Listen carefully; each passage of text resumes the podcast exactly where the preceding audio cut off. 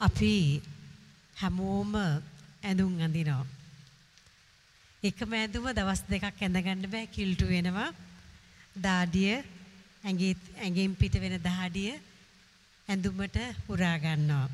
ඉතින් ඒක නිසා නිරන්තරයෙන්ම අපි ඇඳින මේ ඇඳුම් සෙට් එකම ඒක මාරු කරන්න තියෙනවා. ගොඩාක් දාඩිය දාන දවස්වල සමහරවිට ඇඳුම් දෙක තුනක් මාරු කරන අවස්ථාවන් තියෙන්න පුළුවන්. ඒකට හේතුව තමයි බාහිර සාධකයන් නිසා හෝ අභ්‍යන්තරෙන් ශරීරයේ අභ්‍යන්තරෙන් නිකුත් වෙන ඒ දහදිය හරහා ඒ ඇඳුම් ටික කිලුටු බවට පත් වෙනවා කිලිටි වෙනවා. ඉතින් මේ ඇඳුම නැවත වතාවක් අපි එකපාරක් ඇඳලා use and throw කරන අපි එක පාවිච්චි කරා විසි කරන්නේ නැවත නැවත නැවත නැවත වර්ෂ ගණනාවක් තිස්සේ එකම ඇඳුම අපි පරිහරණය කරනවා පාවිච්චි කරනවා. ඉතින් මෙන්න මේ වගේ රත්තරන් අම්මේ තාත්තේ දුවේ පුතේ අපේ ආත්මය කියලා කියන දෙයක් මොකද අපි තනියම නෙමෙයි ජීවත් වෙන්නේ තනියම ජීවත් වුණත් පවුලක ජීවත් වුණත් සමාජයක ජීවත් වුණත් මේ අපේ බාහිර දේවල් කිලිටු වෙනවා වගේම තමයි අපේ අභ්‍යන්තර ලෝකයේත් කිලිටි බවට පත් වෙන්න පුළුවන්. ඉතින් මේ කාල පරිච්ඡේදය තුළ අපිට ලොකු අවස්ථාවක් හම්බුණා නිරන්තරයෙන්ම වචනයට ඇහුම්කන් දෙන්න ස්වාමින් වහන්සේගේ ආශිර්වාදය දවස ගානේ ලබා ගන්න අවස්ථාවක් උදා වුණා. හෙට දවස වෙනකොට මේ ආකාරයට එකතු වෙන එක අවසන් වුණත් රත්තරන් අම්මේ තාත්තේ දුවේ පුතේ අපිට ස්වාමින් වහන්සේත් එක්ක තියෙන මේ බද්ධකම යාව ජීවකම අපිට නිරන්තරයෙන්ම පවත්වගෙන යන්න පුළුවන් වුණොත් අපිට පහසු වෙනවා ඒ අපේ ආත්මයත් පවිත්‍ර කරලා තියාගන්න.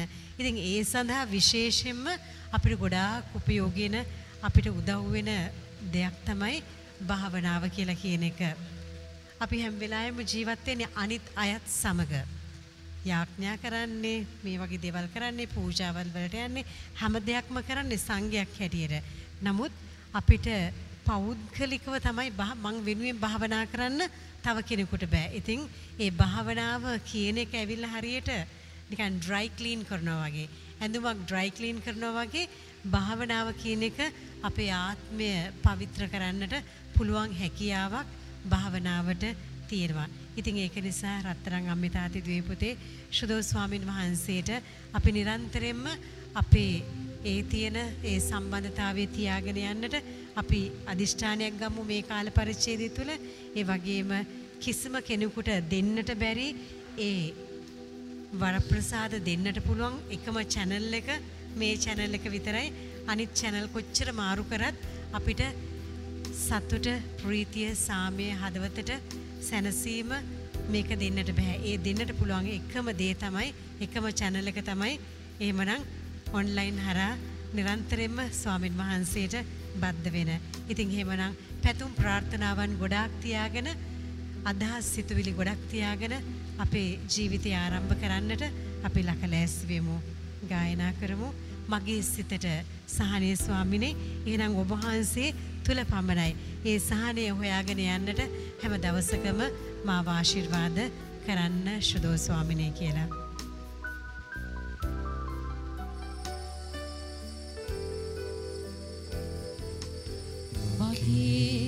මගේ සිතට සතාල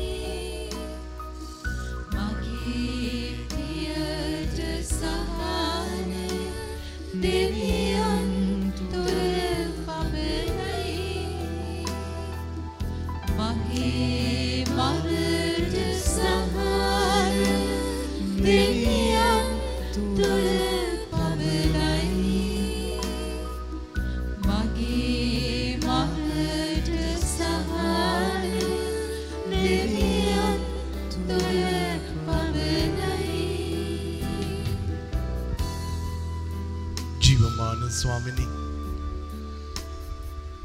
ඒ සහනය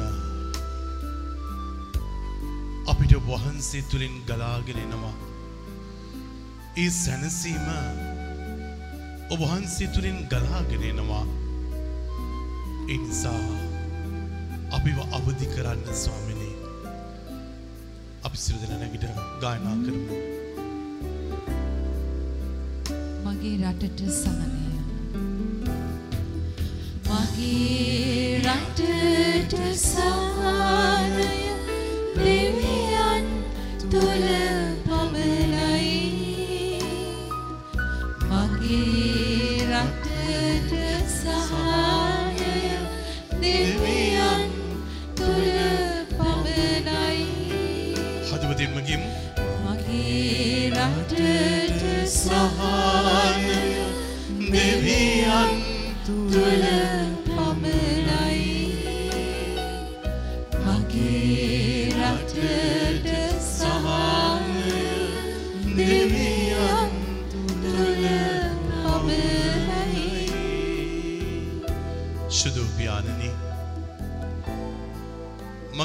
දුබල වෙනකොට ගත දුර්වල වෙනවා.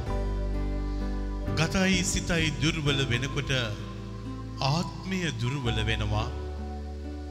අපිට අද දවසේදී ඔබහන්සේ තුළ නැගිට ගන්න ඔබහන්සේ අපිට මඟ පෙන්වන්න ඔබහන්සේ හරි තැනට අපිව පත් කරන්න අපිට හරිදේ දකින්න ඔබහන්සේ කියල දෙන්න. මාවත් විවෘත්ත කල්ලා දෙන්න. යායුතු තැනට රැගෙන යන්න. ඔබහන්සේගේම කරගෙන අපව ජීවත් කරවන්න. මිකීදේ අපගේ ස්වාමින් වන චේසිකෘ ස්වාමින් වහන්සේගේම නාමයෙන් අප සිර දෙනාටම ලැබෙනවා මයි වඩිවන්න. මප්‍රමුවන්ත සහෝදර සහෝදරණී දරු දැරියනි. ලෝකයේ මිනිස්සුන්ට වඩා සත්තුන් පත්විච්ච තැනක් තියෙනවා. ඒක සක්සුදක්සේ පැහැදිලි වුණා සුනාමිය ආපු කාලේ. ඔබ ඒක විග්‍රහ කරල බැලුවනම් සුනාමියේදී මිනිසුන් හැසුරුණ විදියයි සත්තු හැසුරුණ විදියයි කොයි වගේද කියලා ඔබට පැහැදිලි වෙනවා. ඇයි ඒ සුනාමිය මේ දේශයට ගහන්නට මත්තෙන් මේ බල්ලො ටික මොකද කරේ චුට්ටක් ඈතට ගිහිල්ලා. පූස ටික ඈතට ගිහිල්ලා. කටුස්සෝ ඈතට ගිහිල්ලා. සරපයි ටික ඈතට ගිහිල්ලා. ගස්වලට නැගගෙන මේ ඔක්කෝම සත්තුන් නේ මුහුදු වෙරලෙන් ගව් ගානක් ඈතට ගියා. මනුස්්‍යයා මොකද කරේ මුහුද දැන් ඈතට යනවයි කියලා හිතාගෙන අපිට බිම් කොටසක් ඒකෙන් අල්ලගන්න පුළුවන් කියලා තැනින් තැන ගිහිල්ලා ඒගොලු හිටගත්තා මේ කොටස මගේ මේ කොටස මගේ නැත්නම් මාර වැඩේනේ බලන්නකෝ මුහුද දැන් කොච්චර ඈතට ගිහිල්ලද කියලා මිනිස්සු පුදුමයට පත්වෙලා එතන ඔවුන්ගේ ජීවිත රඳව ගන්න හැදුවා. එතුට සත්තු ඈතට ගියා මිනිස්සු ලං වුණා ඇතුළට ගියා. එතුට මොකද වුණේ අර රැල්ල වැඩිවෙලා ආපු මුහුතේදී මිනිස්සු ලංකාවේ හතලිස් තුන්දහකට වඩා ප්‍රමාණයක් නේ අරගෙන ගියා. මිනිස්සු ටික ගියා. සත්තු ටික බේරුණා.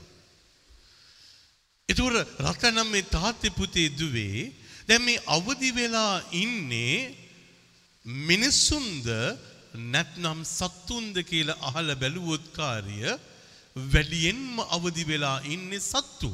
ඒගොල්ලෝ හරිම සංවේදී. ඒගොල්ලන්ගේ ඒ තිබෙන sannivedanaya සහ සංවේදීභාවය ඒගොල්ලෝ නැති කරගත්තේ නැහැ. හැබැයි මිනිස්සුන් වශයෙන් අපි මොකද කරන්නේ? අපිටත් මේ දෙවියන් වහන්සේ දීලා තියෙනවා එවැනි හැකියාවක්, එවැනි දක්ෂතාවයක්, එවැනි තීක්ෂණ බුද්ධියක්, ප්‍රඥාවක් අපිට දීලා තියෙනවා. හැබැයි අපි ඒක දියුණු කරගෙන නැහැ. ඒ නිසා අපේ අවධානම අපිට දැනෙන්නේ නැහැ. අපි වැටෙන්න යනවයි කියන එක අපිට හැඟෙන්නේ නැහැ. අපිට යම්කිසි ආකාරයෙන් මේ චෝදනාවක් එන්නට යනවා හැල හැප්පීමක් එන්නට යනවා විනාශයක් එන්නට යනවයි කියන එක අපිට එහෙම ගාණක් නැහැ. හැබැයි සත්තුන්ට ඒක දැනුනම උන් ක්‍රියාත්මක වෙනවා. මොකද ඒ සත්තුන්ට ලොජිකල් මයින්ඩ් එකක් නැහැ. මිනිස්සුන්ට ලොජිකල් මයින්ඩ් එකක් තියෙනවා. තර්ක විතර්ක කිරීමේ බුද්ධියක් තියෙනවා. ඒ නිසා මිනිස්සු මොනවද කියන්නේ? එහෙම කොහොමද අනේ වෙන්නේ? එහෙම කිව්වට එහෙම වෙන්න බෑනේ. ඒක පුළුවන් ද එහෙම වෙන්න කියන කතන්දරය තුල මිනිස්සුන්ට දැනෙනකොට ඒක මිනිස්සුන් විසින්ම අයින් කළා දානවා. එතකොට සත්තුන් එහෙම අයින් කරන්නේ නැහැ. ඒකට අවශ්‍ය කරන ප්‍රතිචාරය සත්තු දෙනවා. මිනිස්සුන්ට මේ මොහොතේදී කෘතුහලය කියන දේ නිසා ඒ මිනිස්සු මොකද වෙන්නේ කියලා බලාගෙන ඉන්නවා. සත්තුන්ට දැනෙනකොට උන් ඒ විදියට හැසිරෙනවා මිනිස්සු කෘතුහලයේ නිසා ඒකට ගොදුරු වෙන්නට යනවා. ඒ නිසා රත්නම් මේ තාත්තිපුතී දිවේ දින 40ක් මොකද්ද කරේ? දින 40ක් සුපුවත්තරනේ උදේටයි රෑටයි මොනවද කරේ කියලා ඇහුවොත් කාර්ය මන් දන්න එකම දේ ස්වාමින් වහන්සේ ඔබවත් මාවත් අවදි කරා. ගොඩාක් පැතිකඩවල් වලට අවදි කරා. එක එක ශේෂ්ත්‍රයන් වලට අවදි කරා. දැන් අවදි කිරීම දැන් සිදු වෙලා ඉවරයි. හැබැයි ක්‍රියාත්මක වෙන එක ඔබේ අතේ මගේ අතේ තමයි තියෙන්නේ. මම ටිකකට ඉස්සර රෙකෝඩිං එකයි හිටියේ. එතකොට ඒ රෙකෝඩිං එකේදී නේ පාස්කවිරිදට යන රෙකෝඩිං විකාශනයක් රෙකෝඩ් කරා චැනල් එකට. එදුර චැනල් එකට රෙකෝඩ් කරද්දී එනේ කුරුස්සේ පාමුලට ගියා නේ සප්‍රසාද වහන්සේ ළඟට ගියා ඒ වගේම Uh, මෙතන හෝලි ස්ට්‍රවුඩ් එකට ගියා මේ තුනම කම්බිනේෂන් එක මේ තුනේම සම්බන්ධතාවය නේ ඇතුල් කරා මම පාස්කුවේ උත්තානයට. එතකොට ඒ තැන් තුළටම ගිහිල්ලා දනගහගෙන ඉන්නකොට යාඥා කරනකොට නේ පුදුම විදියට මට දැනෙන්න පටන් ගත්තා නේ මම පෞද්ගලිකව එකම දවසේ එකම වෙලාවක මේ තැන් තුනටම ගියේ නැහැ. නේ. දැන් ගිහිලා මෙතන චුට්ටක් වෙලා ඉන්නවා කල්වරේ පොඩ්ඩක් ඉන්නවා බෝට්ටුවේ ඉන්නවා කියන එක මං කරේ නැහැ. හැබැයි මට මේදාපාර මගෙන් අහපුවාම ෆාදර් පාස්කු ඉරිදට දාන විකාශනයේට ෆාදර්ට ප්‍රෝග්‍රෑම් එකේදී මොනවා හරි කරන්න පුළුවන්ද කියලා නේ පැය භාගයක නැත්තම් විනාඩි 45ක ප්‍රෝග්‍රෑම් එකක් මං කිව්වා නේ එහෙම කරනවා නම් මේ වගේ තැන් තුනක් අපි ගාව තියෙනවා සුපුවත්තරනේ ඒ තැන් තුනේ කරමු. මේ තැන් තුනට මං ගිය හැම මොහොත් ඒ තප්පර ගාන විනාඩි ගාන තුල උන්වහන්සේ මාව ගොඩක් පැතිකඩවල් වලට අවදි කෙරෙව්වා. එතකොට රතන මේ තාත්ති පුතේ දුවේ බෝට්ටුවට යන්න පුළුවන් සප්‍රසාද වහන්සේ ගාවට යන්න පුළුවන්. හැබැයි උන්වහන්සේ අවදි කරනවා. කල්වාරිය ළඟට යන්න පුළුවන්. හැබැයි උන්වහන්සේ අවදි කරනවා. නේ හෝලි ස්ට්‍රවුඩ් එකේ චැපල් එකට යන්න පුළුවන්. හැබැයි උන්වහන්සේ අවදි කරනවා. දැන් මේ අවදි වෙනකොට උන්වහන්සේ දැනෙන්න හිඩ අරිනවා. උන්වහන්සේ ඔබේ මගේ ජීවිතය අරගෙන යන විදිය. එහෙනම් පෙරලගන්න. මක්තුමාගේ සුවිශේෂී ධාතුන්වෙනි පරිච්ඡේදයේ තිස් දෙවැනි පදය උන්වහන්සේ ඉල්ලීමක් කරනවා අවදි වෙන්නට. ඒ දිනය පිළිබඳව හෝ ඒ දිනය පිළිබඳව ඒ පැය පිළිබඳව හෝ පිළිබඳව හෝ කිසිවක් නොදනිති. කිසිවක් නොදන්නේ. ස්වර්ගයේ දූතයෝවත් ස්වර්ගීය දූතයෝවත් පුත්‍රයානෝවත් පුත්‍රයානෝවත් නොදනිති. නොදනිති. එය දන්නේ එය දන්නේ පියාණන් වහන්සේ පමණක්ය. පියාණන් වහන්සේ පමණක්ය. නියමිත මොහොත නියමිත මොහොත කවදාදැයි කවදාදැයි ඔබ නොදන්නා බැවින් ඔබ නොදන්න බැවින් පරිස්සම් වන්න. පරිස්සම් වන්න. දැන් මනුස්ස මට්ටම තුළ මේ චූටි ඉංගියක් එනවා මෙතන මේ ජේස්වාමින් වහන්සේ ඇයි මෙතනට සංවේදී වුණේ නැද්ද කියන එක. මේ ලෝකයත් එක්ක ජීවත් වෙනකොට ලෝකයා අපිව තැනකට ගෙනියනවා නේ දෙවියන් වහන්සේට සංවේදී වෙන එක නතර කරලා මිනිස්සුන්ට ඇහුම්කන් දෙන්න සලස්ස ගන්නවා. අම්මා කියන කෙනා මොනවද කියන්නේ? පුතේ මට කීකරු වෙන්න මම කියන දේ අහගන්න. තාත්තා මොනවද කියන්නේ? මට කීකරු වෙන්න මම කියන දේ අහගන්න. ටීචර්ස්ලා මොනවද කියන්නේ? කරුණා කරලා මට ඇහුම්කන් දෙන්න. ස්වාමිලා වශයෙන් අපි මොනවද කරන්නේ? දේශනා කරනකොට අපි කියනවා කරුණා කරලා අපිට සවන් දෙන්න. අපිට සවන් දෙන්න. ඔබට හොඳට ඇහෙන්න ඕන නිසා තමයි මේ ස්පීකර්ස් දාලා උඩ දාලා වටේ දාලා පිටිපස්සෙන් දාලා මේ මටත් ඇහෙන්න ඉස්සරහින් මොනිටර්ස් දාලා තියන්නේ ඇහෙන්න. එතුර ඇත්තයි මනුස්ස කටහඬට දැන් අපි පොඩ්ඩ පොඩ ටියුන් වෙලා. මනුස්ස කටහඬට ටියුන් වෙලා තියෙනවා.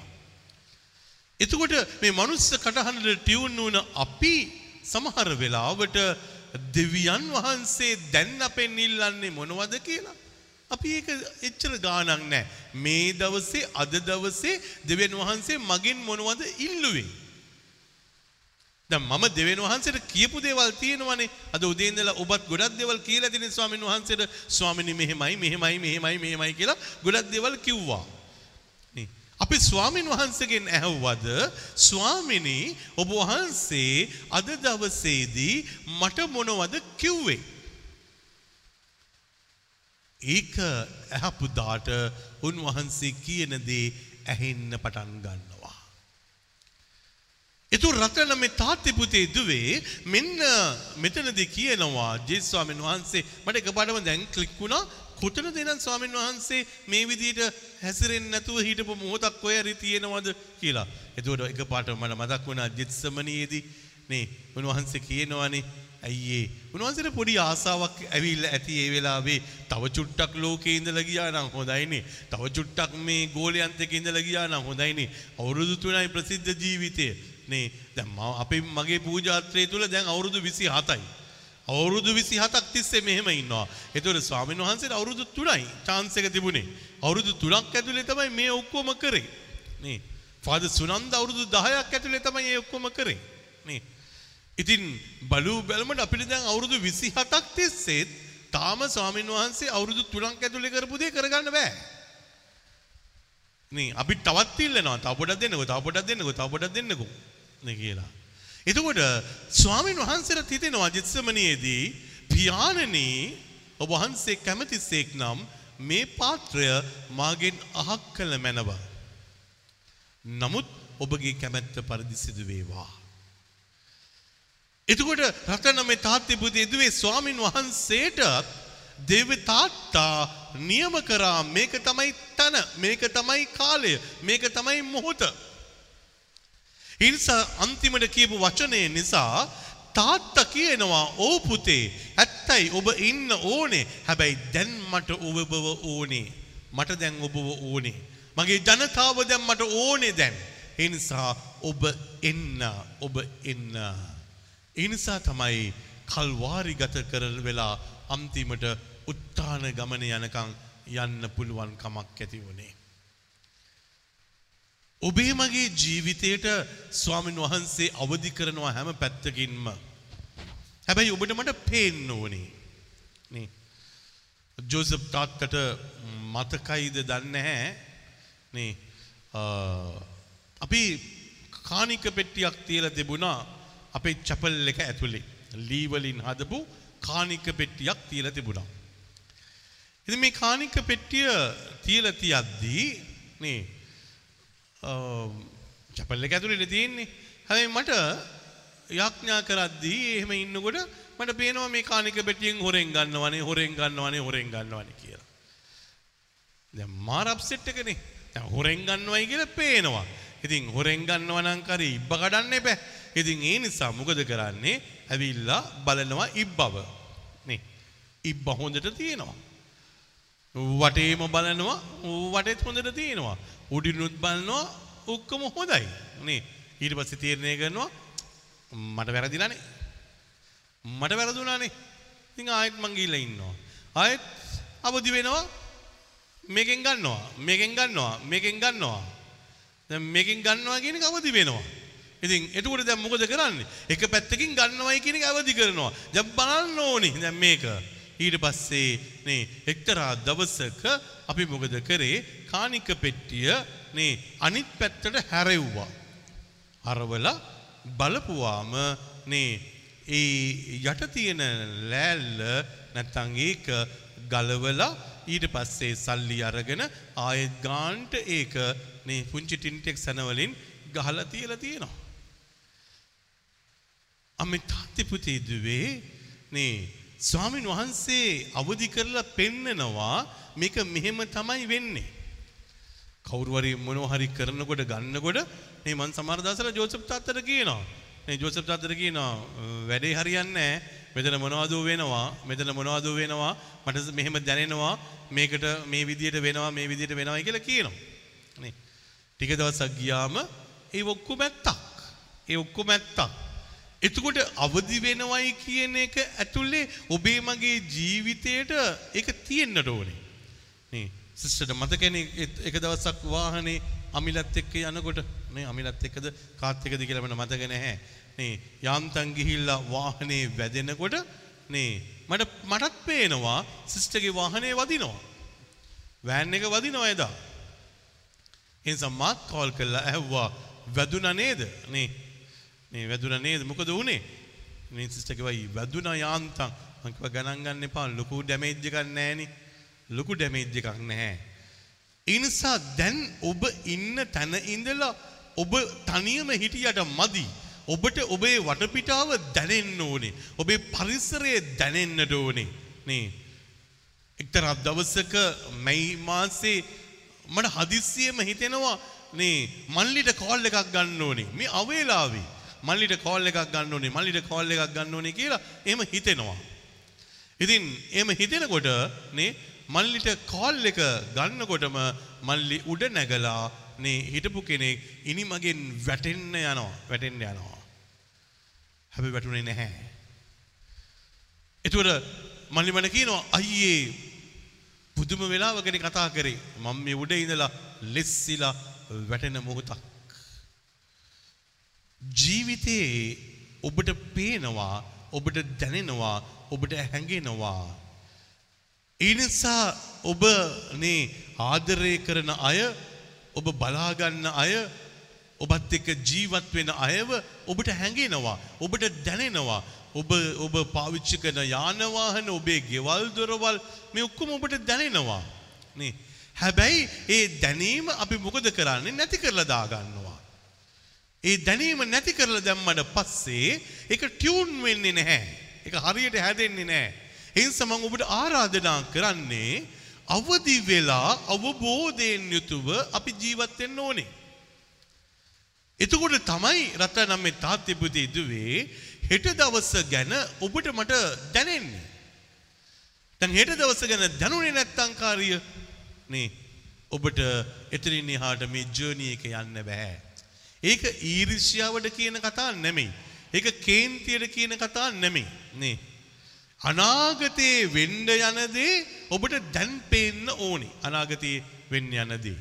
ඔබ ෆෝසීය කෙනෙක් බවට පත්වෙන්නට ඕනේ. එතුර දැ මේ ෆෝසීය කෙනෙක් බවට පත්වෙන්න ඔබට මට මොකක්ද තියෙන බලය. අනාගතය පේන ස්වාමින් වහන්සේට ඇරයුම් කරන්නට ඕනේ දේව තාත්තට ඇරයුම් කරන්න ඕනේ ඔබේ ඇස් දෙකෙන් මේ මුහොතේදී පෙන්නන්න පෙනීම දෙන්න. පෙනීම දෙන්න. හැබැයි අපි වැරදි දෙයක් ඉල්ලනවා මොනවද ඉල්ලන්නේ? මිනිස්සුන්ගේ ඕපදූප බලන්න ආස කරනවා අපේ ඇස් දෙකෙන්. මිනිස්සුන්ගේ නේ ඕපදූප අහගෙන ඉන්න ආස කරනවා මේ කන් දෙකෙන්. එතකොට දැන් මොකද වෙන්නේ? අපේ කන ටියුන් කරලා තියෙන්නේ මිනිස්සුන්ගේ ඕපදූපවලට. අපේ ඇහැ ටියුන් කරන්නේ මිනිස්සුන්ගේ ඕපදූපවලට. එතකොට මගේ ඇහැට ඒ බලය හම්බ වෙන්නේ නැහැ. මගේ කනට ඒ බලය හම්බ වෙන්නේ නැහැ. ඉතින් ඒ නිසා අද දවස් මේ කාල පරිච්ඡේදයේදී අපේ දරුවන්ට දැන් ආයෙත් ඇහෙන්නේ නැහැ ගොඩක් දේවල්. ඇයි ඒ? ඒගොල්ලෝ ගොඩක් වෙලාවට ගෙදර හිටියත් නේ කන් දෙකට නේ ඉයර්ෆෝන් දෙකක් ගහගෙන තමයි දැන් හැම වෙලාවෙම ඉන්නේ. ඉයර්ෆෝන් එකක් දාගෙන ඔළුව හොල්ලන එක තමයි කරන්නේ. මෙහෙම මෙහෙම තමයි ඉන්නේ. පුතේ වතුර ටිකක් ගෙනන් දෙන්නකෝ. ඇහෙන්නේ නැහැ මේ ඉන්නවා. පුතේ ඇහින්නේ නැහැ. අරක ඒක දාගෙනම ඉන්නේ. එතකොට අම්මගේ කටහඬ ඇහෙන්නෙත් නැති තරකට ඇවිල්ලා. තාත්තා කතා කරත් ඇහෙන්නේ නැහැ. නේ ඊට පස්සේ ළමයි දැන් පුංචි ක්‍රමවේදයක් පාවිච්චි කරනවා. මොනවද ක්‍රමවේදය? අපි සින්දු අහගෙන පාඩම් කරන්නේ. සින්දු අහගෙන පාඩම් කරනවා.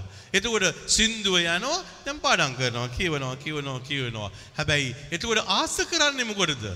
සින්දුවටද විෂයටද? ආස කරන්නේ සින්දුවට. එතකොට මොකද්ද වෙන්නේ? මතකයට යන්නේ මොකද්ද? සින්දුවේ වචන ටික මතකයට යනවා. හැබැයි සබ්ජෙක්ට් මැටර් එක ඊට පස්සේ තමයි මතකයට යන්නේ.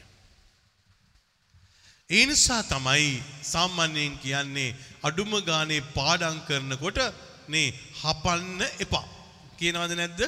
කියනවා. ඉස්කෝලේ ඔයගොල්ලෝ ඉස්කෝලේ ගිය දවසට එහෙමනේ නේ අපි දන්නේ නැතුව කරපු දවස් එහෙම තිබුණා.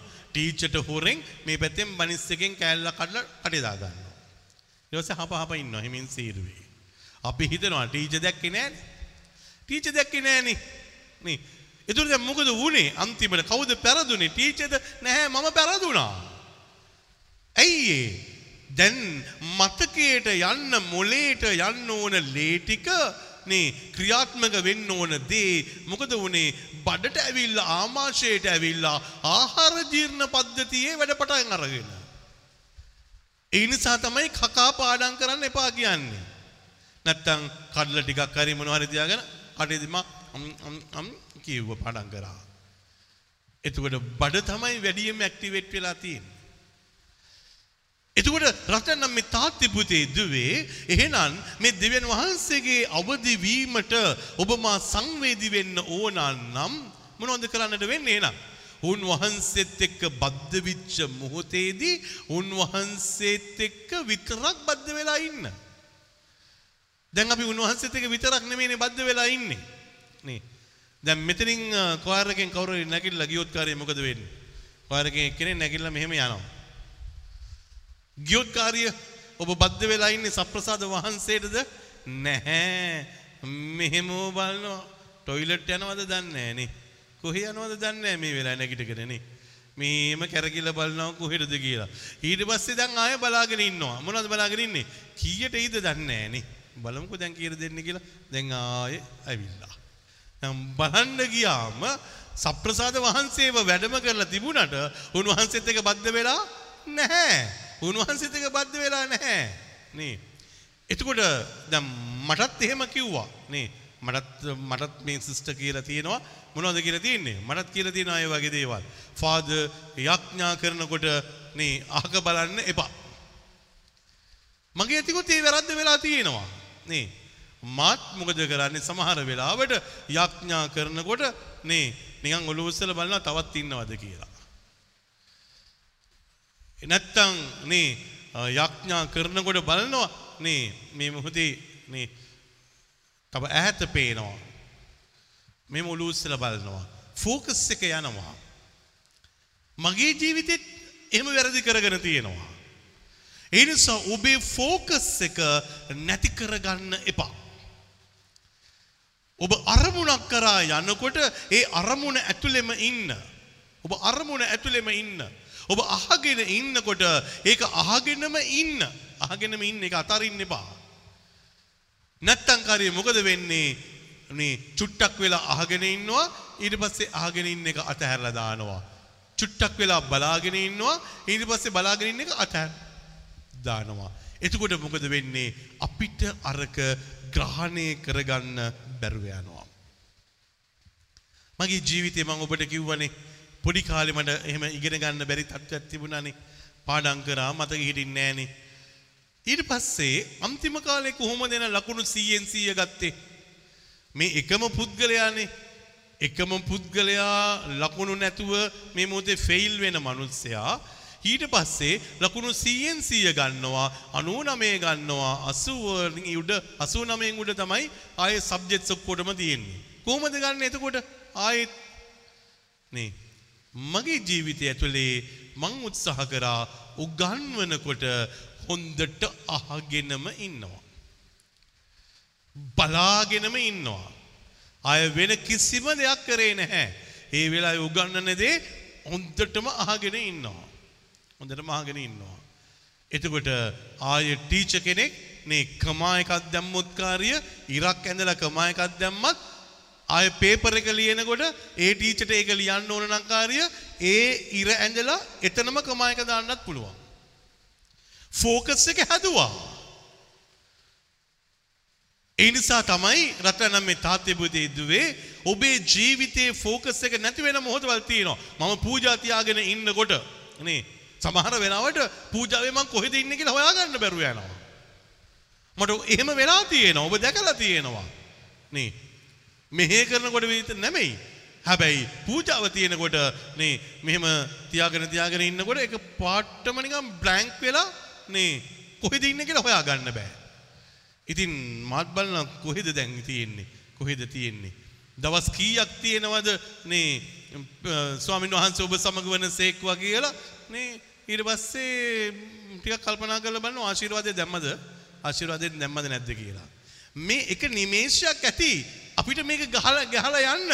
එක නිමේෂයයි. ඉතින් දේශනා කරන මගේ ජීවිතේත් මම මේ ඇත්ත ඔබට කියනවා. එනිසා මම මේ මහා බලවන්ත සුදනෙක් ඔගොල්ලෝ මහා දර් නැති මේ මේ පෞකාර මිනිස්සු ටිකට දේශනා කරනවා නෙමෙයි. මේ දින 40 කියන්නේ මටත් නැගිටගෙන යන්න ඕන දින 40ක් මාවත් අවදි කරන දින 40ක් මාවත් උස්සගෙන යන දින 40ක් එනිසා ස්වාමින් වහන්සේ අපි ඔක්කොමලව තමයි මේ තුරුළු කරගෙන අරගෙන යන්නේ.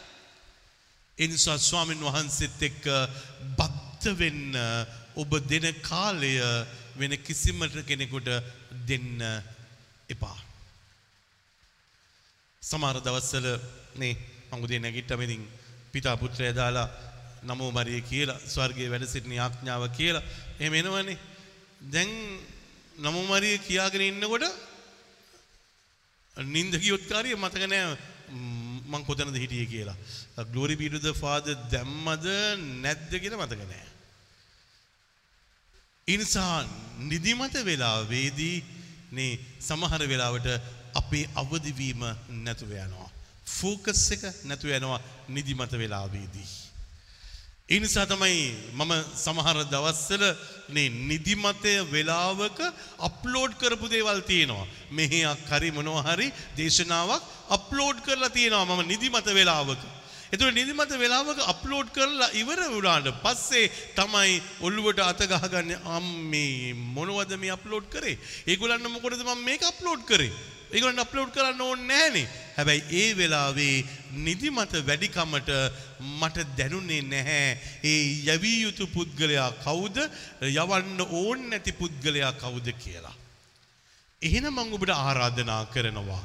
ඔබ අවදි වෙලා ඉන්න මොහොතේදී කරන දේවලුත් ඔබගේ නිදිමත ආපු වෙලාවේ කරන මෝදේවල් වල ශක්තියත් අඩුයි. එනිසා ස්වාමීන් වහන්සේ තුළ ඔබ මේ ගැඹුරු සම්බන්ධතාවයකට එනකොට නිදා වැටුනොත් මේ මොහොතේදී අපරාධේ නිදා වැටුනොත්. එනිසා පුළුවන් තරම් උත්සාහ කරන්න ඕනේ එහෙනම් ස්වාමීන් වහන්සේගේ පාමුලට එනකොට නිନ୍ଦ නිදා වැටෙනවට වඩා උන්වහන්සේට සංවේදී වෙන්න කන් දෙක හදන්නට ඕනේ ඇස් දෙක හදන්නට ඕනේ ආත්මික බැඳීම හදන්නට ඕනේ. එතකොට රටනම් මේ තාත්‍ය පුතේ දුවේ ආත්මික බැඳීමක් ඔබ ස්වාමින් වහන්සේට ඇති කරගත්ත ගමම්ම පරිසරයට ඔබ ආත්මික බැඳීමක් ඇති කරගන්නවා. ඔබ අත්දැකලා තියෙනවද දන්නේ මම යනකොට මම බලාගෙන යනවා සාමාන්‍යයෙන්. නේ මම මේ ගස්කොළන් වලට ආදරෙයි. මේගොල්ලන්ට මං ආදරෙයි. ඉතින් සමහර අවස්ථාවන් තියෙනවා. නේ මම ගහක් ළඟට ගියාම ඒ ගහ බලාගෙන ඉන්නවා. නේ ඔබ මේ හෝල් එකෙන් පිටිපස්සට ගිහිල්ලා බැලුවොත් කාරිය එතන මේ බැම්බු ගහක් තියෙනවා. නේ උණ ගහක්. මේ උණ ගහට මම දවසක් නේ දැන් ඒක කවුරු හරි කැපුවා. මේ උණ ගහට මම කතා කරා. නේ කතා කරලා මං උණ ගහට දවසක් කිව්වා කිස් එකක් දුන්නා ඉස්සෙල්ලාම ගිහලා උණ ගහට කිස් එකක් දුන්නා. කිස් එකක් දීලා කිව්වා මේ මට චුටි උදව්වක් කරන්න පුළුවන්ද? මේ කියලා මං උණ ගහෙන් ඇහුවා. අහලා ඉවර වෙලා මං උණ ගහට කිව්වා. මේ මැදින් කොන්ක්‍රීට් එකක් තියෙනවා පාරක් දාලා. ඉතින් මෙහා පැත්තේ වතුර තියෙන්නේ. උණ ගහ පැල කරගන්න විදියක් නැහැ. මං එයාට කිව්වා වාට පුළුවන් නම් මට පොඩි සපෝට් එකක් දෙන්නකෝ. මේ කොන්ක්‍රීට් එක යටින් මේ බීම් එක යටින් ඇවිල්ලා මේ ෂූට් එකක් දාලා මේ පැත්තෙන් ඇවිල්ලා ගහක් වගේ එන්නකෝ කියලා මං කියලා හග් එකක් දීලා ගහට ඊට පස්සේ මං යන්න ගියා. ටික දවසක් ගියාම පේනවා මොනවද පේන්නේ අංකූරයක් මෙන්න කොන්ක්‍රීට් එක ඇතුලෙන් ගිහිල්ලා වතුර පැත්තෙන් මෙහෙම උඩට ඇවිල්ලා ගහට සංවේදි වෙනකොට ගහ ඔබටත් සංවේදි වෙනවා. ගහ සංවේදි වෙනවා. අම්මේ තාත්ති පුතේ දුවේ අපි සමහර වෙලාවට මේවට සංවේදී නැහැ. ඔබ වතුරට සංවේදී වුණොත් මොකද වෙන්නේ? ඔබ වතුරට සංවේදී වුණොත් ගමම් ඔබට වතුර හොයන්න පුළුවන් වෙනවා. නේ ඔබ ඉන්න තැන ඔබ මෙහෙම හිටියා. ඊට පස්සේ ඔබේ මනස වතුරට බද්ධ කරගත්තා. ඊට පස්සේ ඔබට පෙන්ඩියුලමයක් හරි ඉරට්ටක් හරි ඕන දෙයක් අරගෙන ඔබට යන්න විතරයි තියෙන්නේ. යනකොට හරියට ඔබ අරගෙන යනවා. ඊට පස්සේ පෙන්ඩියුලම කැරකේවි කොච්චර බම ගානක් යටද තියෙන්නේ කියලා. සංවේදී වෙනවා. එතකොට දැන් අපි කරගත්තේ මොකද්ද? අපි ප්‍රශ්නයට සංවේදී වුණා. අපි රෝගයට සංවේදී වුණා අපි කරදරවලට සංවේදී වුණා අපි මේ මිනිස්සුන් කියපු නේ නරක දේවල් වලට සංවේදී වුණා සුපුවත්තරනේ සාමාන්‍යයෙන් දන්න එකක් තමයි නේ ෆාදර් ඩැරල් අනිත් අය අරයා කිව්වා මෙයා කිව්වා ඒගොල්ලෝ කිව්වා මේගොල්ලෝ කිව්වා කියන එක අහගෙන ඉන්න කැමති නැති කෙනෙක්. එයා අහන්නේ නැහැ කියන එක දන්නවා. එනිසා මම ඇවිල්ලා කියන්නෙත් නැහැ. කිව්වොත් ඒක ඒගොල්ලෝ ප්‍රතිඵල බලාගෙන හිටියත් එහෙම මම ඒකට ඇක්ෂන් ගන්නෙත් නැහැ. ඒ නිසා මගේ කන් දෙකට මම දාගන්නේ නැහැ. මම නෙගටිවිටිස් දාගන්නේ නැහැ. මේ ඍණාත්මක දේ ඇවිල්ලා කියපුවම දාගන්නේ නැහැ. අරයා ගැන මෙයා ගැන ඒගොල්ලෝ ගැන කියන්න පුළුවන්. හැබැයි ඒක ඒගොල්ලෝ කියලා යාවි. මම මේ කණෙන් අහලා අනිත් කණෙන් පිට කරලා දානවා මිසක් ඒක මගේ ජීවිතයට දාගන්නේ නැහැ. ඇයි මම ඒක ජීවිතයට දාගත්තට පස්සේ මම මොකද වෙන්නේ? මම දුර්වල චරිතයක් වෙනවා. ඊට පස්සේ මට මේ මොහොතේදී සාමාන්‍ය ධනාත්මක දේ ඇහෙන්නේ නැතුව යනවා. හොඳ දේ ඇහෙන්නේ නැතුව යනවා. මට ඕපදූප ඇහෙවි. මිනිස්සුන්ගේ අඩුපාඩුකම් ඇහෙවි. මිනිස්සුන්ගේ දුර්වලකම් විතරක් ඇහෙවි. එනිසා ඔබ ටියුන් කරොත් ඔබේ කන් දෙක මිනිස්සුන්ගේ අඳෝනාවට සහ දුර්වලකමට ඇහුම්කන් දෙන්න එතනදී පුදුමාකාර විදිහට ඔබ පල්ලහැට එනවා. සමහර වෙලාවට අපි හැබ්බැහි වෙනවා. අපි හැබ්බැහි වෙනවා. ඒ නිසා මොකද වෙන්නේ? නේ ගෙදරට කවුරු හරි ආපුවාම ඔබ නාට්‍යයක් බලාගෙන හිටියොත් ඔබ මොකද කරන්නේ? නාට්‍යයේ නතර කරලා ඕෆ් කරලා ඒ ආපු කෙනත් එක්ක කතා කරනවාද නැත්නම් නාට්‍යයේ යන ගමම්ම මේ පැත්තෙන් ඉතින් කියන්නකෝ මාර වැඩේනේ මං හිතුවා අද නම් මෙයා මේකෙන් ගොඩෙයි කියලා. ඔයාට නෙමෙයි මේ කතාව. මේ කතාව බල බලම තමයි මෙයාත් එක්ක කතා කරන්නේ. නේ. එතකොට දැන් මගේ ජීවිතෙත් මං සමහර වෙලාවට කරලා තියෙනවා. නේ මං ආස කරන නාට්‍යයක් තියෙනවා නම් කාරිය ඒක බලන්න ඕන නම් කාරිය නේ මම බලනවා කොහොමද පුළුවන් තරම් ඉක්මනට කට් ෂොට් කරලා මේ මොහොතේ කතාව ඉවර කරලා ටක් ගාලා ෆෝන් එක අරගෙන බලන්න ඒ නාට්‍යය දැන් මොකද වෙන්නේ දැන් කොහොමද යන්නේ කියලා බලන්න මාත් පෙළමිලා තියෙනවා. එතකොට දැන් අර ෆෝකස් එක තියෙන්න ඕන තැන නෙමෙයි තියෙන්නේ. මගේ ෆෝකස් එක නාට්‍යයට තිබුණා.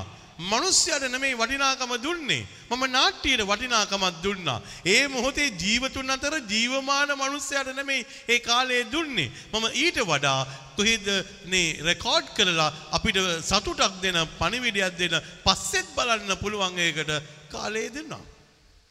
එතුර මේ දන්නෙම නැතුව මේ අවදිවීම නැතිකමට කරන දේවල්. මේ මගේ ජීවිතය මං ඔබත් එක මේ මේ කතා කරේ මාත් මගේ බොට්ටුවේ ඔබත් ඉන්නට පුළුවන් සමහර වෙලාවට. නේ. එනිසා මාත් නැගිට ගන්නට ඕනේ ඔබත් නැගිට ගන්නට ඕනේ මේකෙන්.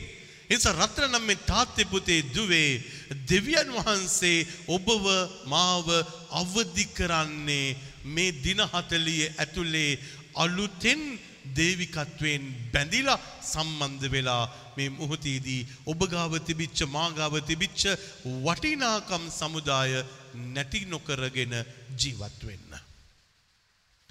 වටිනාකම් සමුදාය නැති නොකරගෙන ජීවත් වෙන්නට ඕනේ. නැත්තංකාරිය හොඳට හිටපු අපි සමහර වෙලාවට අපි දැන් වස වෙලා අපි දැන් කේන්ති අරගෙන අපි තරහ අරගෙන අපි මේ මොහොතේදී වෛර කරගෙන මේ අපේ ජීවිතවල මේවා තිබුණේ නැහැ. මීට වඩා හරිම ආදරවන්ත මිනිස්සු, හරිම තේරුම් ගත්ත මිනිස්සු, හරිම හොඳ මිනිස්සු, හරිම දයාබර මිනිස්සු. හැබැයි ඒක අපේ ජීවිතෙන් ටික ටික ඈත් වෙලා ගිහිල්ලා කොහෙදෝ නැති ප්‍රශ්න ටිකක් අපේ ඔළුවට දාගෙන සිතට දාගෙන මනසට දාගෙන ඊට පස්සේ අපේ චරිත ලක්ෂණ වෙනස් කරලා දාගෙන එනිසා අද එතකොට මේ අර දේවත්වයට තිබිච්ච සංවේදීභාවය අපේ පොඩ්ඩ පොඩ්ඩ පොඩ්ඩ පොඩ්ඩ බැහැර වෙලා ගිහිල්ලා අපි දැන් කතා කරනකොට මිනිස්සුන්ට රිදෙනවා. මං සමහර දවස්වල ඇහුවා මගෙන් ඩැරල් ඔබ කතා කරනකොට මිනිස්සුන්ට රිදෙනවද? මිනිස්සුන්ට රිදෙනවද? සමහර දවස් තියෙනවා දේශනා කරනකොට මට තේරෙනවා ඒ දේශනාවේ තුල තිබිච්ච පිච් එක, ඒකේ තිබිච්ච ටෝන් එක, ඒකේ තිබිච්ච මේ වේගය, ඒකේ තිබිච්ච ටෙම්පෝ එක මේ මොහොතේදී ඊට වඩා අඩු වුණා නම් ගොඩක් හොඳයි කියලා මට තේරුණා. මේක මීට වඩා පල්ලැහෙන් කියන්න තිබිච්ච එකක්. මේක සොෆ්ට් කියන්න තිබිච්ච එකක්. මේක මීට වඩා ආදරෙන් කියලා දෙන්න තිබිච්ච එකක්. මේ විදියට මගේ ජීවිතයට තේරෙනවා. තාත්තා ජීවිතුන් අතර ඉන්නකොට නම් තාත්තා දේශනා අහලා ඉවර වෙලා මට කතා කරලා කියනවා පුතේ එතන ඔයා කෑ ගැහැව්වා වැඩි. එතන මීට වඩා එක සොෆ්ට් ගන්න තිබුණා. ඊට වඩා මිනිස්සුන්ට දැනෙන වොයිස් එකක් එතනට ගන්න තිබුණා. තාත්තා මට එහෙම කියලා දෙනවා ඉස්සර. තාත්තා නාට්‍යකරණය කරපු නිසා තාත්තට තේරෙනවා නේ මේ මොහොතේදී පුතාගේ පිච් එක ඒකේ ඩෙප්ත් එක මදි එතන. එතන මිඩ් එක ඇවිල්ලා ඒකේ බේස් එක අඩු වෙලා ගිහිල්ලා ඒකේ ඉමෝෂන්ස් නැහැ. එතන කේන්තියකින් වගේ කතා කරේ. මේක තාත්තා මට කියනවා. ඒ නිසා රතන මේ තාත්ති පුතේ දුවේ අද මාත් අවදි වුණා. ආ මාත් මේ මොහොතේදී බැලුවා. මේ දින 40 දේශනා කරනකොට මොන වගේ පිචින් වලද ගියේ? ඇත්තයි. උදේට හරිම සංසුන්. ඔබ දන්න උදේට ප්‍රීච් කරනකොට ඒකේ යන විදිය හරිම වෙනස් හරිම සොෆ්ට් හරිම පෝස් එකක් තියෙනවා. හැබැයි රෑට මේ දේශනාව දෙනකොට බදාදා රෑ දෙන එකයි සිකුරාදා උදේ කියන එක දෙකක්. මේ සිකුර රෑ වෙනකොට ඒකේ තියෙන එනර්ජි ලෙවල් එක සහ ඒ කතා කරන ශෛලය දඟලන විදිය අතපය යන විදිය වොයිස් වේරියේෂන්ස් ඒවා වෙනස්. ඇත්තයි. මේවල ඒ ජනතාවත් එක්ක වෙනස් වෙනවා ටොපික් එකත් එක්ක වෙනස් වෙනවා හැබැයි ඒක ගැන අපි අවදි වෙලා හිටියොත් අපිට හොඳයි එදාට ඔබට තේරුම් ගන්න පුළුවන් වේවි ඔබේ වයිෆ්ට කතා කරන සුවරයෙන් ඔබට බැහැ ඔබගේ දරුවට කතා කරන්න. ඔබේ දරුවට කතා කරන සුවරයෙන් බැහැ ඔබගේ නේ යාළුවෙකුට කතා කරන්න. නැත්තංකාරී අපි ඔක්කෝටම එකම සුවරයෙන් කතා කරාවී. දුකට පත්වෙලා ඉන්න මොහොතක කතාගෙන සුවරයත් මේ මොහොතේදී විනෝදයෙන් ඉන්නකොට කතා කරන සුවරයත් අතර වෙනසක් තියෙන්නට ඕනේ. දැන් මේ වෙනස අවදි වෙන්නට ඕනේ. දැන් මගේ වොයිස් එක දැන් මේක මීට වඩා සොෆ්ට් වෙන්න ඕනේ. නැත්නම් මීට වඩා පවර්ෆුල් වෙන්නට ඕනේ. හෝප් එකක් දෙන්නට ඕනේ. දැන් හෝප් එකක් දෙනකොට මං කිව්වනම් කාර්ය නේ නේ ආ කොහොමද good morning නේ හොඳට කරලා තියෙනවා නේ හොඳට කරන්න පුළුවන්. එහෙම කරොත් ඒක මදි වේවි. එතකොට ගන්න වේවි. wow නියමයිනේ. නියමට කරලානේ. congratulations all the best all the best don't worry you can achieve. දැන් එතනදී ඒ එනර්ජි එක යන්න ඕන වේවි. දැන් මං සංවේදී වුණොත් විතරයි අවදි වුණොත් විතරයි මං කියන වචනයට මේ මොහොතේදී මගේ අංග චලනය එන්නේ. නැත්තම් කරේ මොනවා වේවිද? නේ අංග චලනය වෙනස් වෙනවා. මං ආදරෙයි කියලා කතා කරනකොට මම කිව්වොත් කාර්ය නේ දෙවියන් වහන්සේගේ ආදරය කියලා මෙහෙම කිව්වොත් කාර්ය එතකොට කියාවි අයි අයියෝ වැරදුනා වැරදුනා වගේ. එතන ආදරය කෑ ගැහුවත් එක්ක ආදරයට මිට මොලෝගන එතකොට මේ ජෙස්චර්ස් and postures කියන දේවල් ගොඩක් වැදගත්. ඒ ආදරය. ඒ ජීවමාන ස්වාමීන් වහන්සේගේ බලය ඔබේ ජීවිතයට ආදරයක් බවට පත්වෙන්නට ඕනේ. මේක තමයි මේ වෙනස. අවදි වෙලා දේශනා කරනවා. අවදි වෙලා කතා කරනවා. අවදි වෙලා sannivedanaya කරනවා. එහෙනම් එහෙම දන්නේ නැතුව ගියොත් කාර්ය වැරදි ජෙස්චර් එක, වැරදි පොස්චර් එක, වැරදි ටෝන් එක, වැරදි පිචින් එක අපි ඉන්නවා මොනව නිසාද? අපි අවදි වෙලා නැති නිසා. ඒ නිසා තමයි නේ මලගෙදරකට ගියාම මලගෙදරට ගිහිල්ලා නේ ඕ තාත්තා මැරලා නේද? අයියෝ! ආරංචි උන්නේ නෑනේ එහෙම කෑ ගහනවද? නැහැ. බොහොම අමාරුවෙන් බිම බලාගෙන ගිහිල්ලා ළඟට ගිහිල්ලා my deepest sympathies. මගේ දුක ඔබට ප්‍රකාශ කරන්න මං ආවා. එතුට දැම් මේ මේ සංවේදී භාවය අපිට නැති වෙනකොට මට තේරෙනවා මේ දවස්සල ඔබ දැකලා තියෙනවද දන්න මල්ල ගෙදරට යන්නේ ඩිකිය උත්සගෙන ඉන්න පිටි පස්සේ. නැද්ද දැකල නැද්ද. මත් මලගෙවල්ලට යන දැම් බලයි මොකද ඩිකි උත්සගෙන ඉන්න කියලා බලන්න ගියාම මලගයක් කොහෙද තියෙන කියලා ආරංචියට ගාම යන් යන් යන් යන් යන් යන් යන් යන් ගානවා. ඇයි යන්නේ ඊට පස්සේ මලගෙදර එහා පැත්තේ මෙහා පැත්තේ ඩිකිය උත්සගෙන විස්කි හරි අරක්කු හරි සෝඩා හරි තියාගෙන මේ පැත්තෙන් බොනවා මලගෙදර. සංවේදී වෙන්න ගියේ. හැබැයි සංවේදී වෙන්න ගිය මිනිස්සු සෙට් වෙලා ඉන්නේ. ඉස්සර කාට් කුට්ටමක් තියාගෙනම ඉන්නවා. මොනවටද? කවුරු හරි මරනොත් නම් කාරිය ටක් ගාලා ගත්ත සාක්කුවෙන් නැත්තම් ලාච්චුවෙන් ගත්ත කාඩ් ගහන්න යනවා. නේ. නැත්තම් තියාගෙන ඉන්නවා කැරම් බෝඩ් එකක්. කවුරු හරි මරුණයි කියලා ආරංචි වුණ ගමන් කැරම් බෝඩ් එක උස්සගෙන යනවා.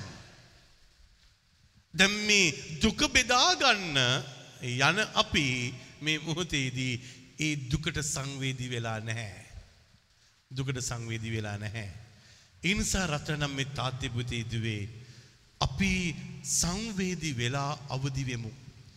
ඔබගේ ස්වාමිපුරුෂයට ඔබ අවදිවුණොත් ඔබේ භාර්යාවට ඔබ අවදිවුණොත් ඔබේ අම්මතාත්තට ඔබ අවදිවුණොත් ඔබේ පුතාට දුවට ඔබ අවදිවුණොත් ඔබගේ ගෙදර ඉන්න බල්ලට පූස්සට නේ ඔබ අවදිවුණොත් නේ එතනදී ඒ දැනීම දැනෙනවා මම ගෙදරකට ගියා ඒ ගෙදර වස බල්ලෙක් කියන වස නෙමෙයි ඌ ඒ ගෙදර ඉන්න අයව ආරක්ෂා කරන බල්ලෙක් ඉතින් ඒ ගෙදර ඉන්න කිසිම කෙනෙකුට අත තියන්න දෙන්නේ නැහැ ඉතින් මම එතන ගිහලා මහත්තයාට නිකන් පිටට තට්ටුවක් ගාලා ආ කොහොමද පුතා කියලා නිකන් තට්ටුවක් දාපු ගාම අර අරයා එන්න බලනවා බල්ලා එන්න බලනවා. ඉතින් මේ ළඟදි මං ගියා ගියාම කිව්වා අනේ ෆාදර් යාඥාවක් කියන්නකෝ නේ. දැන් මට යාඥාවක් කියන්නේ මේ මිනිස්සයා වල්ලන්න බෑ. ඒ පුතා වල්ලන්න බෑ. දැන් මට බයයි. බල්ලා මෙහෙම බලාගෙන ඉන්නවා නේ. එතකොට දැන් දැන් ඔලුවට අද තියන්න බෑ. දැන් මං තේරුම් ගන්නට ඕනේ බල්ලා හිතුවොත් කාර්ය මම දැන් අර කෙනාගේ ඔළුව අල්ලගෙන ගහන්නයි යන්නේ මම නැත්තම් බෙල්ල මිරිකන්නයි යන්නේ. ඒ නිසා පැනලා අල්ලන්න කියලා මං කපෝති. මං ඒගොල්ලන්ගෙන් ඇහුවා පණීද? නෑ ෆාදර් පයින් නෑ. හැබැයි මගේ හිත කියනවා බල්ලනේ පණි. දැන් හොරහැම් මේ පැත්ත යාන්තම් බල්ල ඉවර වෙලා ඊට පස්සේ මං ඔළුවට අත තියාගෙන හිටියා. අනේ ඌ සාන්ත විදියට ඉන්නවා. බල්ලටත් තේරෙනවා ප්‍රේ කරනවායි කියලා. අල්ලනවයි කියන එකයි ප්‍රේ කරනවයි කියන එක බල්ලට තේරෙනවා අවදි වෙලා. නේ. ඒ නිසා රත්තරනම් මේ තාත්ති පුතේ ඉදුවේ අපිට සමහර වෙලාවට මේ අවදිවීම අපේ ජීවිතවල නැති නිසා අපි හිතාගෙන ඉන්නවා ගොඩාක්කල් ජීවත් වෙන්නයි යන්නේ කියලා. හෙට මැරුණොත් මොකද හිතන්න? හෙට මැරුණොත් ඔබට කියන්න පුළුවන්ද thank you lord. අද පැවරිච්ච ඔක්කොම මං හොඳටම කරා ලස්සනටම කරා දාන ධර්ම දුන්නා අප උපස්ථාන කරා ආදරය කරා බලාගත්තා ගොඩ නැගුවා මේ ඔක්කොම කරලා ඉවරයි. Thank you lord thank you පුළුවන්ද කියන්න හෙට අද නම් මේ අන්තිම රාත්‍රිය ජීවත් වෙන සමහර වෙලාවට ඔබට මට ආයෙත් කියන්න වේවි. තව දවස් පහක් විතර දෙන්නනේ. තව දවස් ටිකක් දෙන්නකෝ. මට තව ටිකක් තියෙනවා වැඩ ටිකක් කරගන්න. අද දවසේ ඒ නිසා වෙන්නේ නැති තෙරේසා මෞතුමිය කිව්වේ ස්වාමිලට ඔබ පූජාවක් තියෙනකොට ඔබ තියෙන පළවෙනි පූජාව කියලා හිතාගෙන ඒ පූජාව තියන්න කිව්වා. ඊට පස්සේ ආයෙ මොනවද කිව්වේ? ආයෙත් කියනවා ඔබ පූජාව තියෙනකොට මේක තමයි ඔබ මැරෙන්න ඉස්සර තියෙන අන්තිම පූජාව කියලා හිතලා පූජාව තියන්න කිව්වා. එතන පූජාව භක්තියෙන්ම තියෙනවද නැද්ද? තියෙනවා. උනන්දුවෙන් තියෙනවද නැද්ද? තියෙනවා. ඇයි ඒ? පළවෙනි පූජාව මගේ ජීවිතේ. ඒ නිසා මම මේක භක්තියෙන් ඕනකමකින් තියන්න ඕනේ. ඒ වගේම මගේ අවසාන පූජාව මැරෙන්න ඉස්සර ඒක භක්තියෙන්ම තියන්නට ඕනේ. ජීවිතේ කවදාරි හිතුවොත් නේ එහෙම මන්දන්නේ අද මයි ජෝසප් තාත්තා මම එක්කන ගියා ස්පිරිතාලයට නේ බලන්න මොකද මේ දවස්වල වැඩ කරද්දී මම ජෝසප් තාත්තට පෙන්නවා නේ මේ කොරිඩෝ එකට මොනවා හරි කරන්න ඕනේ නැද්ද? මේකට පෙයින් ටිකක් ගහන්න ඕනේ නැද්ද? ජෝසප් තාත්තව එක් කරගෙන ගියා ළමයි නේ හම්බිච්ච තැනටත් එක්කගෙන ගියා. නේ එතකොට මං ඇහුවා මං අද උදේත් මං කල්පනා කරේ ඒකයි. අපි කොච්චර ආසයිද කවුරු හරි ලස්සන තැනකට එළියට යන්න එන්න ලස්සන තැනකින් ඇතුළට යන්න කොච්චර ආසයිද? කොච්චර ආසයිද? නේ එතකොට නේ මං ජෝසප් තාත්තට කිව්වා නේ මං හරිම ආසයි එන්ට්‍රන්ස් එකේ ඉඳලම ඒ කොරිඩෝ එක පෙයින් කරමුකෝ? කොහොම හරි අපි පෙයින් කරමු. නේ මං ජෝසප් තාත්තෙන් ඇහුවා කීයක් යයිද දන්නේ නැහැ. හැබැයි ඔයා අහලා බලන්න මේක කොහොම හරි කරමු. මේක කොහොම හරි පෙයින් කරමු. මේ ලස්සනට තියමු මේ ස්පිතාලේ කොරිඩෝ එක. මේ කවදා හරි මිනිස්සු එළියට එන ඇතුළට එන තැන ලස්සන තැනක් කරලා තියමු. ලස්සන තැනක් කියලා කරමු. ඇයි හෙට දවස වෙනකොට ඒකට යන අය ආයි එන්නේ නැහැ සමහර අය එන්නේ නැහැ ඒගොල්ලෝ චැප්ටර් එක ඉවරයි. සමහර අය බලාපොරොත්තු කොම සුන් වෙලා ගිහිල්ලා ආයේ hina මුසු මුහුණෙන් තමයි එළියට එන්නේ. මං ජෝසප් තාත්තට පෙන්නවා තාත්තේ මං කතා කරලා අද කිව්වා මේ දැක්කද දන්නේ නැහැ ඔයා අර පොළව මේ කඩතුළු වෙලා පොළව කඩතුළු වෙලා එතකොට අර ස්ට්‍රෙචර් එකේ තියලා නැත්තම් වීල් චෙයාර් එකේ තියලා කාව හරි තල්ලු කරගෙන යනකොට ඒ කැඩිච්ච තැන්වල පොළව කැඩිච්ච තැන්වල මොකද වෙන්නේ? දඩබඩ දඩබඩ දඩබඩ ගාලා තමයි යන්න වෙන්නේ. තිගැස්සීමක් මං ජොසප් තාත්තට කිව්වා පුළුවන් නම් ඒකටත් සිමෙන්ති ටිකක් යාන්තම් දාමු කඩතුළු වෙලා තියෙන තැන්වලට. අපිට තියෙනවා දූත මෙහෙවරක්. සංවේදී වෙමු අපි. අවදි වෙමු අපි. අවදි වෙලා බලමු මොනවද මේ දේශයට කරන්න තියෙන්නේ. මොනවද මේ ලෝකයට කරන්න තියෙන්නේ. මොනවද මේ මනුස්ස සංගතියට තව අපිට කරන්න තියෙන්නේ කියලා අපි අවදි වෙමු. එදාට ඔබට තේරේවි මිනිස්සුන්ට චෝදනා කර කර ඉන්න ඕනේ නැහැ. එහෙම වුණා නම් කාර්ය අලි වැට ගහන්න නැහැ. අලි වැට ගහපු නිසා මොකද වුනේ? දැන් මිනිස්සු නිදා ගන්නවා, අලි වෙඩි දාන්නේ නැහැ, වගා කරනවා, සතුටෙන් ඉන්නවා, නේ බය නැතුව ජීවත් වෙනවා, රැම්බෝ වෙලා ඒ ගමන් බිමන් යනවා. මේකට අවදි වෙන්නට ඕනේ. අවදි වුණේ නැත්තම් මේ මොහොතේදී ඕවා ඉතින් අපේ ප්‍රශ්න නෙමෙයිනේ යන්නේ. ඒගොල්ලන්ගේ ප්‍රශ්න ඒගොල්ලෝ විසඳ ගන්න එපා. රජය දැනගන්න එපෑ අපේ ස්ප්‍රිතාල ටික බලාගන්න. එහෙම කියලා ඉන්න හරිම ලේසි. හැබැයි ඔබට කවදාරි හිතුනොත් ඔබ මොනවද මේ දේශය තුළ කරන්නට යන්නේ. අපේ රෝහල් වලට මොනවද කරන්නට යන්නේ. අපේ මිනිස්සුන්ට මොනවද කරන්නට යන්නේ. එදාට නේ රෝගී ඔබවත් ස්වාමින් වහන්සේ සුවපත් කරාවී ඇද වැටල ඉන්න ඔබටත් නැගිටින්න අවස්ථාවක් දේවී.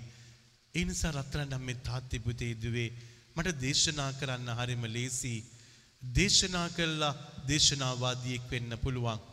හැබැයි ඒ දේශනාව තුළ මම මේ මුහතේදී සතුටක් ලබන්න නම් ප්‍රායෝගිකවත් මගේ ජීවිතය ඇතුළේ මේ සංවේදී භාවය තුළ මනුස්ස සංහතියට මොනහරි වෙන්නට ඕනේ. මිනිස්සුන්ට මොනොහරි කරන්නට ඕනේ. ඉතින් ඒ නිසා තමයි ස්වාමින් වහන්සේත් එක්ක මේ දින 40 යනකොට ගොඩක් දේවල් නොකඩවාම කරගෙන ගියේ. ඔබේ ජීවිතයට මං ආරාධනා කරනවා ඔබ සංවේදී වෙලා ඔබේ ගෙදර ඔබගේ පවුල ඔබේ ගම ඔබේ ව්‍යාපාරය ඔබේ ආයතනය නේ ඔබට පැවරිච්ච දූත මෙහෙවර අතහරින්න එපා. දූත මෙහෙවර අතරින්න එපා. එහෙනම් සුළු මොහොතක් ඇස් දෙක වහගන්න.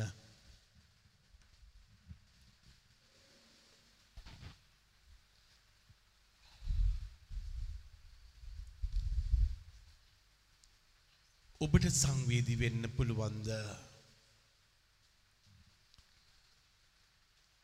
ඔබ ගැන ඔබ සංවේදීද අවදි වෙලාද ඉන්නේ?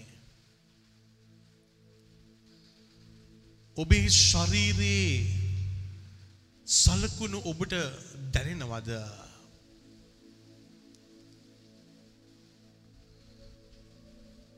ඔබේ මනසට මොකද වෙලා තියෙන්නේ කියලා ඔබට හැඟෙනවද? ඔබේ ආත්මයට මොකද වෙලා තියෙන්නේ?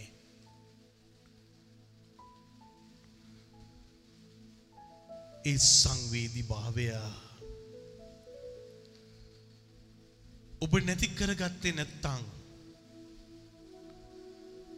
ඔබ ගාව ඉන්න ආදරවන්ත කෙනා ආයෙත් එළියට ඒවී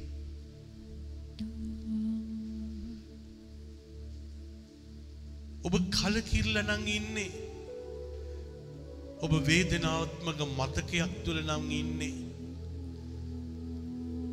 ඒ සංවේදී භාවයට වඩා ඒ කේන්තිය නිසා ඔබට හැඟුණේ නෑ වගේ ඉඳීවී. දැනුනේ නෑ වගේ ඉඳීවී.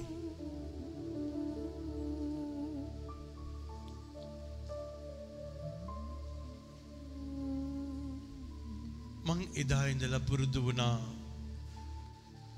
ගීතිකා කණ්ඩායමේ ළමයෙක්ව ගෙදර ගිහිල්ලා අරින්නකොට ඒ ළමයා දොර ඇරගෙන ගේ ඇතුළට යනකම්ම බලාගෙන හිටියා.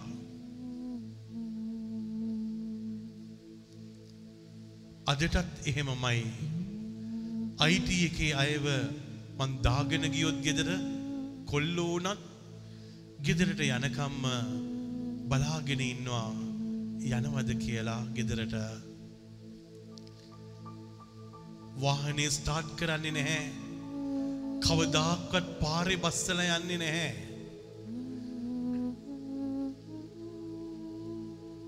ගේ ඇතුළට ගියාට පස්සේ තමයි ආයෙ ගෙදරට එන්න පුළුවන් වෙන්නේ. ඔබට පුළුවන්ද? ජීවිතවලට ආදරය කරන්න. සමහර වෙලාවට ඔබ ළඟ සල්ලි තිබිලා ඇති. හැබැයි ඒගොල්ලන්ට ජීවත් වෙන්න බැරි වෙලා ඇති. ඔබටත් නැති බැරිකම් තියෙනවා. හැබැයි ඊටත් වඩා නැති බැරිකමක් තවත් කෙනෙකුට තියෙනවා. ඔබ සංවේදිද? මොන හරි දෙයක් ඔබ පරිත්‍යාග කරලා ඒ සල්ලි ටික ඔවුන්ගේ අවශ්‍යතාවයට දෙන්න පුළුවන්ද අපි හිතන්නේ මගේ දේට නෙමේවා තියෙන්නේ. මගේ දේට නැමෙයි දෙවියන් වහන්සේ දීලා තියෙන්නේ. අපේ දේවල් වලට අපි කියන්නේ හැම කෙනෙක්ම එදාට ඔබට තේරේවී ඔබ ආත්මිකව ලොකු ඉහළ තැනකයි ඉන්නේ. ස්වාමීන් වහන්සේ ඔබට කියාවේ අනේ පුතේ මං ඔබ ගැන ගොඩාක් සන්තෝසයි. මට කරන්න තියෙන උදව් ටික ඔබ කරගෙන යනවා. මට බලාගන්න ඕන අයව ඔබ බලාගන්නවා. මට ආරක්ෂා කරන්න ඕන අයව ඔබ ආරක්ෂා කරනවා. ස්වාමීන් වහන්සේ කියාවේ මේ චතාරිකයේදී ඔබේ සිතින් ඔබ එතර වෙලා පුතේ ඔබේ මනසින් ඔබ එතර වෙලා ඔබ හිරවිච්ච තැනින් ඔබ එතර වෙලා එනම් බයවෙන්න එපා ඔබ ගාව හොඳ කෙනෙක් ඉපදිලා ඉන්නවා. එයාව ආරක්ෂා කරගන්න. හොඳ කෙනෙක් අවදි වෙලා ඉන්නවා. එයාව ආරක්ෂා කරගන්න. හොඳ කෙනෙක් මේ විශ්වය තුළ ආලෝකයේ ලබල තියෙනවා. එනිසා ඒ ආලෝකය ආරක්ෂා කරගන්න දෙවියන් තුළ ඔබ සියලුම දෙනාම බලවත් වේවී. මේකීදේ අපගේ ස්වාමින් වන චේසුක්‍ර ස්වාමින් වහන්සේදේ සාම අපට ලැබේවා ආමේන්